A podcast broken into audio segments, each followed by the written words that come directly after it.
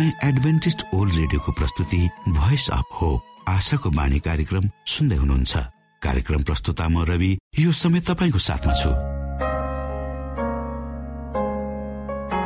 आफ्ना प्यारा श्रोताहरूको न्यानो माया र धेरै उत्साह दिने सकारात्मक प्रतिक्रियाहरूको सङ्गालो साथै लिएर आशाको बाणी कार्यक्रम डाँडा काँडा गाउँ बेसी हिमाल मधेस सुन्दर नेपालको सबै नेपालीलाई अनि मातृभाषा नेपाली बोल्ने अनि बुझ्ने प्रवासी नेपाली माझ पनि एउटा मन पर्ने कार्यक्रमको संज्ञाका साथ अगाडि बढिरहेको छ। हरेक दिनको कार्यक्रमहरू नयाँ र विशेष आत्मिकी बनाउनु हरेक श्रोताको चाहनालाई समेट्ने प्रयास गर्नु र तपाईँ सबैलाई हाम्रो मुक्तिदाता को हुनुहुन्छ भनी परिचय गराउनु हाम्रो उद्देश्य हो। यसमा तपाईँले हामीलाई साथ दिनुभएको छ। यसको लागि तपाईँलाई हामी धेरै धेरै धन्यवाद दिन चाहन्छौ। परमेश्वरको नामको महिमा होस् आज पनि हामी बाइबलबाट शिक्षाप्रद सन्देशहरू सुन्नेछौँ।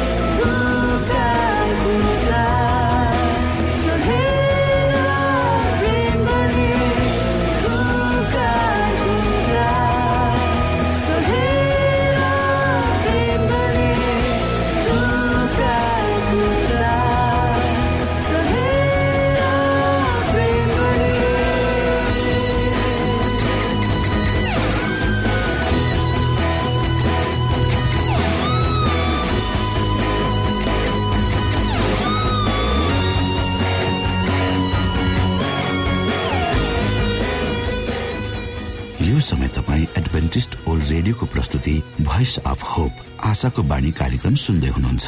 श्रोता मित्र यो समय हामी पास्टर उमेश पोखरेलबाट आजको बाइबल सन्देश सुन्नेछौ। श्रोता साथी न्यानो अभिवादन साथ म तपाईँको आफ्नै आफन्त अर्थात् पास्टर उमेश पोखरेल परमेश्वरको वचन लिएर यो रेडियो कार्यक्रम मार्फत पुनः तपाईँहरूको घर आँगनमा उपस्थित भएको छु। आउनुहोस् तपाईँ हामी केही समय आउनुहोस् तपाईँ हामी केही समय परमेश्वर सँगसँगै बिताउँ। मलाई आशा छ तपाईँले हाम्रा कार्यक्रमहरूलाई नियमित रूपमा सुन्दै हुनुहुन्छ र परमेश्वरका प्रशस्त आशिषहरू प्राप्त गर्दै हुनुहुन्छ। श्रोत साथी आजको प्रस्तुतिलाई पस गर्नुभन्दा पहिले आउनुहोस् म परमेश्वर अगुवाईको लागि बिन्ती राख्नेछु।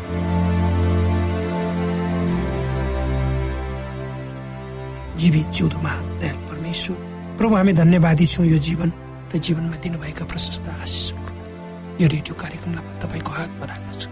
यसलाई तपाईँको राज्य र महिमाको प्रचारको खाद्य तपाईँले यो देश र सारा संसारमा पुर्याउनुहोस् ताकि तपाईँको महिमा होस्। सबै बिन्ती प्रभु यीशुको नाम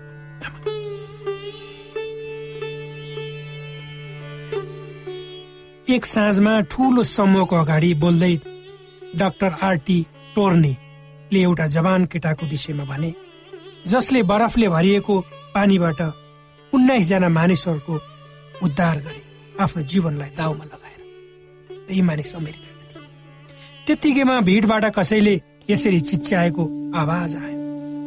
तिमी आजको कार्यक्रमको हिरो हौ र हामी तिम्रो कथा सुन्न चाहन्छौ।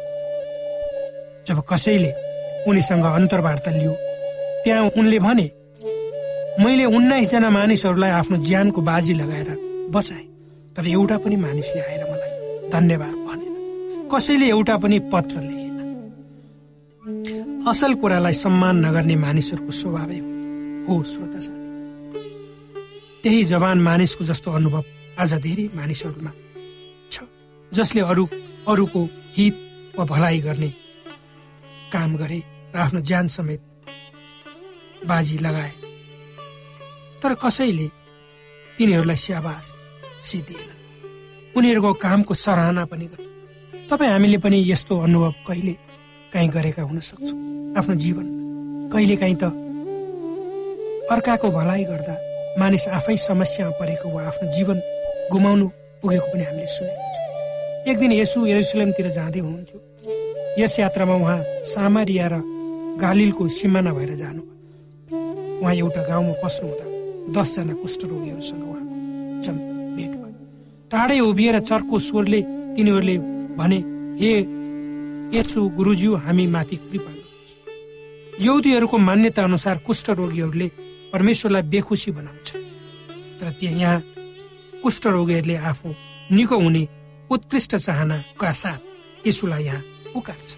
यसुले तिनीहरूलाई भन्नु पुजारीहरूकामा जाऊ र उनीहरूले यसुको आज्ञा मुताबिक पुजारीहरूकामा जाँदा जाँदै बाटोमा निको भइहाले। दसजना निको भएकामा एउटा मात्र मानिसले परमेश्वरलाई धन्यवाद दियो। यसरी लेखिएको छ तिनीहरू मध्ये एकजनाले आफू निको भएको देखियो र उच्च स्वरले परमेश्वरको महिमा गर्दै त्यो फर्क्यो र यसुलाई धन्यवाद दिएर त्यो यसुका पाउमा घोप्टो पर्यो त्यो एक सामरी थियो।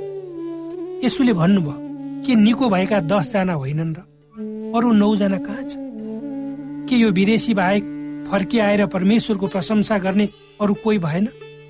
अनि उहाँले त्यसलाई भन्नुभयो उठ र आफ्नो बाटो ला। तिम्रो विश्वासले तिमीलाई निको पार्छ श्रोत साथी कुनै कुरामा जब हामी धन्यवादी हुँदैन। दुई एक किसिमको पाप हो। कसैले तपाईँलाई चाहे सानो वा चाहे ठुलो सहयोग किन नगरेको होस् त्यसप्रति तपाईँ धन्यवादी हुनुपर्छ।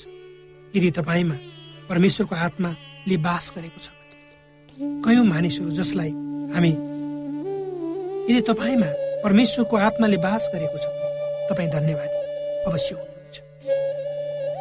भने कयौँ मानिसहरू जसलाई हामी सक्दो मद्दत गर्छौँ मर्दा पर्दा अप्ठ्यारोमा जुनसुकै बेला पनि हामी सहयोग गर्न तयार छौँ गरिरहेका छौँ। तर ती मानिसहरू हामीसँग कहिले पनि खुसी हुँदैन धन्यवादी पनि हुँदैन।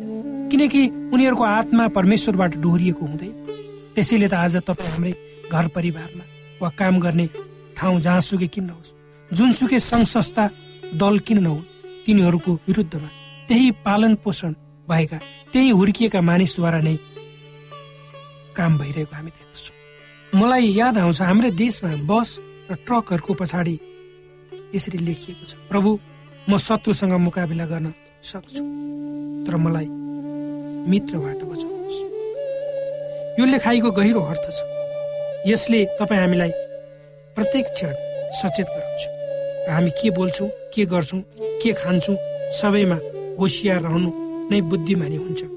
त्यसैले पवित्र धर्मशास्त्र बाइबलमा ढुकुर जस्तो सोझो र सर्प जस्तो चलाक हुनु भनेर भनिएको छ।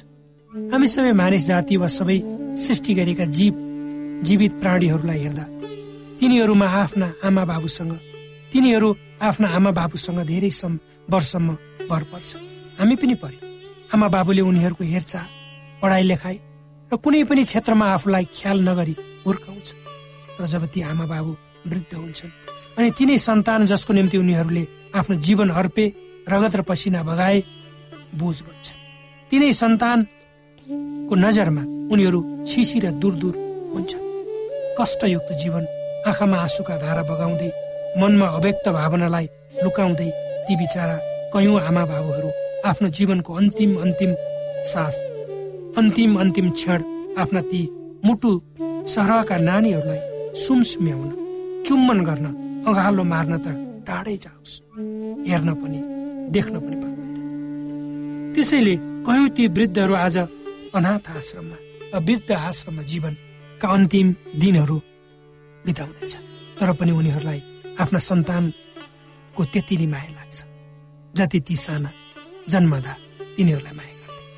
श्रोत साथी तपाईँ हामी जुन अवस्थामा वा उमेरमा छौँ हामी पनि या त वृद्ध वा जवान अद्वैश्य जेसुकै किन जीवन यात्राको क्रममा मानिस जन्मेपछि बढ्दै जान्छ र विभिन्न चरणहरू पार गर्दै ऊ वृद्ध हुन्छ।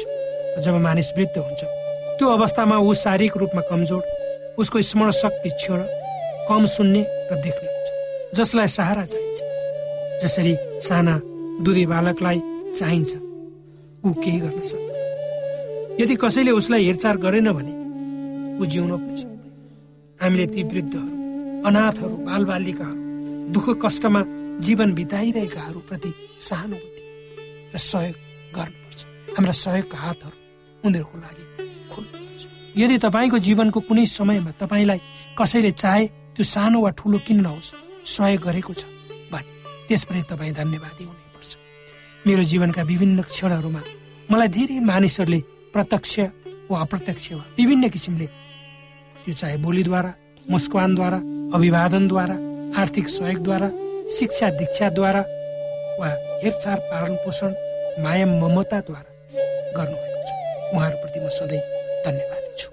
ती व्यक्तिहरू कति त भौतिक रूपमा हाम्रो सामु हुनु। उहाँहरूको सम्झना मेरो मनमा अझै छ। उहाँहरूप्रति म धन्यवादी छु।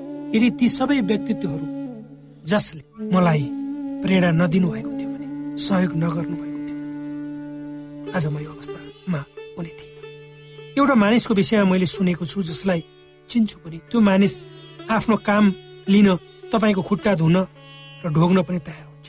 तर आफ्नो काम सकिएपछि त्यसले तपाईँलाई चिन्दैन। यस्ता मानिसहरूले घेरिएर तपाईँ हामी जिइरहेका छौँ।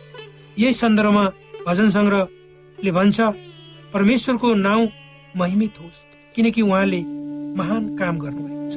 उहाँले यो संसारलाई यति प्रेम गर्नुभयो कि आफ्नो एक्लौते पुत्रलाई हाम्रो खातिर हामी बाँचौँ भनेर श्रोत साथी धेरै मानिसहरू हामी भेट्छौँ। धेरै मानिसहरूलाई हामी भेट्छौँ चिन्छौँ। उनले भन्छन् कि परमेश्वरको कारण उनीहरू निको भए तर थोरैले मात्र उहाँको महिमाको गरेको हामी देख्छौँ। परमेश्वरले वचनहरूद्वारा मलाई आशिष दिनुहोस्।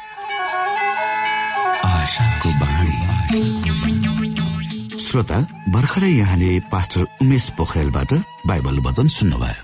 यो समय तपाईँ एडभेन्टिस्ट ओल्ड रेडियोको प्रस्तुति भोइस अफ होप आशाको बाणी कार्यक्रम सुन्दै हुनुहुन्छ। कार्यक्रम सुनेर बस्नुहुने सबै श्रोतालाई हामी हाम्रो कार्यक्रममा स्वागत गर्न चाहन्छौ। श्रोता मित्र यदि तपाईँ जीवनदेखि हरेस खानु भएको छ तपाईँका जीवनमा धेरै अनुत्तरित प्रश्नहरू छन् भने आउनुहोस् हामी तपाईँलाई परमेश्वरको ज्योतिमा डोहोऱ्याउन चाहन्छौ र तपाईँ आफ्नो जीवनका चिन्ता फिक्रीबाट निश्चिन्त हुनुहोस् र बाँच्नुको आनन्द परमेश्वरको सामिप्यमा कति मिठो हुन्छ त्यो चाख्नुहोस् भनी हामी चाहन्छौँ। श्रोता यदि तपाईँ आशाको बाणी कार्यक्रमलाई अनलाइन सुन्न चाहनुहुन्छ वा डाउनलोड गर्न चाहनुहुन्छ भने डट ओआरजीमा जानुहोस्। त्यहाँ तपाईँले प्रत्येक दिनको कार्यक्रम सुन्न र डाउनलोड गर्न सक्नुहुनेछ। हाम्रो वेब पेज यस प्रकार छ डब्लुडब्लुडब्लु डट एडब्लुआर श्रोता यदि तपाईँ हामीसित सिधै फोनमा सम्पर्क गर्न चाहनुहुन्छ भने हाम्रा नम्बरहरू यस प्रकार छन्। अन्ठानब्बे एकसाठी पचपन्न शून्य एक सय बिस। अन्ठानब्बे एकसाठी पचपन्न शून्य एक सय बिस। र अर्को अन्ठानब्बे अठार त्रिपन्न पन्चानब्बे पचपन्न। अन्ठानब्बे अठार त्रिपन्न पन्चानब्बे पचपन्न। प्रिय श्रोता मित्रहरू ख्रिस्ट यसुको नाउँमा जय मसिंह। म तपाईँहरूको साथी उमेश यमन थापा तपाईँहरूको रेडियो सेट सामु उपस्थित भइसकेको छु। हिजो हामीले चिल्लो पदार्थको विषयमा केही जानकारी हासिल गर्यौं। आज पनि थप जानकारी हामीहरू त्यही विषयमा केन्द्रित रहेर गर्नेछौ।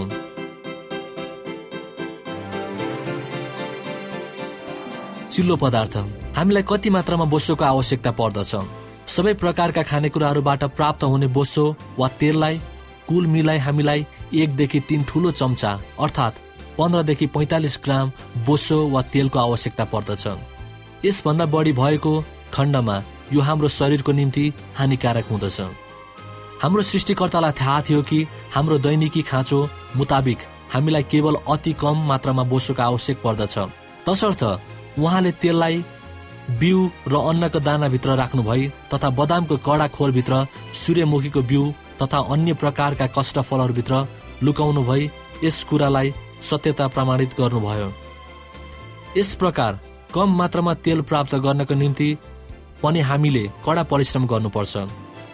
त्यही पनि मानिसले बिउ अन्न तथा कष्टफलहरूबाट व्यापारिक रूपमा तेल निकाल्ने यसलाई प्रशोधन गर्ने र प्रयोजनका लागि उच्च मात्रामा उपलब्ध गर्ने उपायहरू फेला पारेको छ। यस प्रशोधन गरेको प्रक्रियाद्वारा सम्पूर्ण कार्बोहाइड्रेट प्रोटिन रेसा भिटामिन तथा खनिज तत्त्वहरू घटाइन्छ। र केवल स्वादरहित चिल्लो पदार्थ मात्र बाँकी रहन्छ। यसरी प्रशोधन गर्ने क्रममा तेललाई बारम्बार बारम्बार अति उच्च तापक्रम साथ तताउने गरिन्छ। यस प्रक्रियाले तेललाई हानि गर्दछ। यसरी प्रशोधन गर्ने वा खाना पकाउने क्रममा उच्च तापक्रम साथ तेललाई तताउँदा यसमा उच्च तापक्रमले तेललाई रासायनिक तवरमै सिस रूपदेखि ट्रान्स रूपमा परिवर्तन गरिदिन्छ। सिस रूपको तेललाई शरीरले प्रभावकारी रूपमा उपयोग गर्न सक्छ। यसको प्रयोग कोष झिल्लीमा हुन्छ। मुटुले यसलाई शक्तिको स्रोत रूपमा प्रयोग गर्दछ तथा शरीरले यसलाई अन्य विभिन्न कामका लागि प्रयोग गर्दछ। ट्रान्स रूपको तेलमा धेरै हानिकारक खराब असरहरू हुन्छन्। यिनले कोष तथा इन्जाइम सिसको स्थान ओगटिदिन्छ र प्रभावकारी रूपले काम गर्न सक्दैन।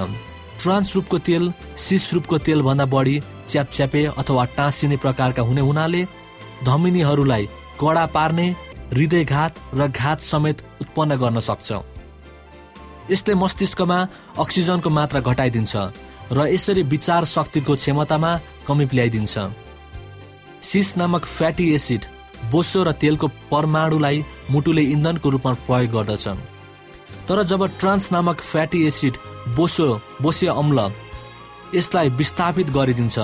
तब मुटुले ट्रान्स नामक फ्याटी एसिडलाई तुरुन्तै खण्डित गर्न सक्दैन। जसले गर्दा तनाव बढ्दो क्रियाकलाप वा सङ्कटको समयमा घातक परिणामहरू ल्याउन सक्दछ।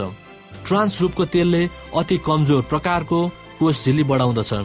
जुन झिल्लीबाट हानिकारक पदार्थहरू कोषभित्र प्रवेश गर्न वा बाहिर निस्कन सक्दछन्।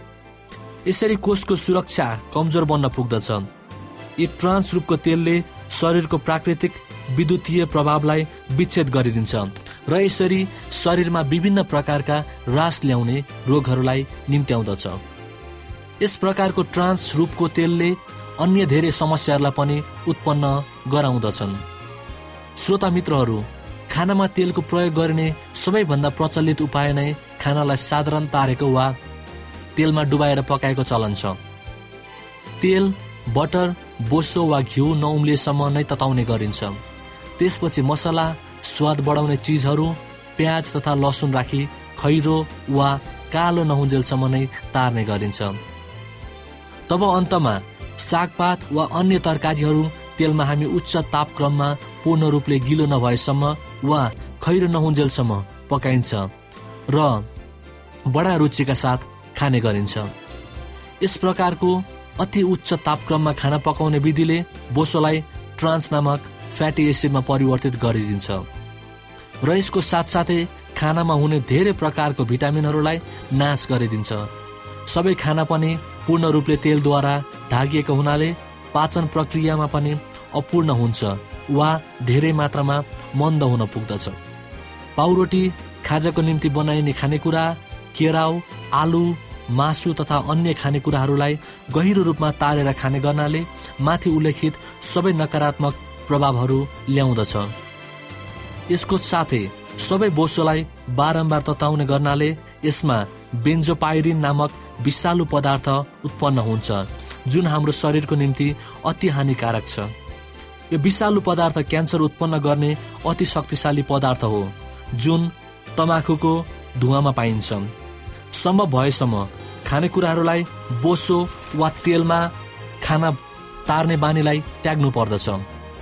यदि खानामा तेल राख्नै पर्छ भने केवल अप्रशोधित तेल मात्र खाना पकाइने प्रक्रियाको अन्तरतिर राखिनुपर्छ।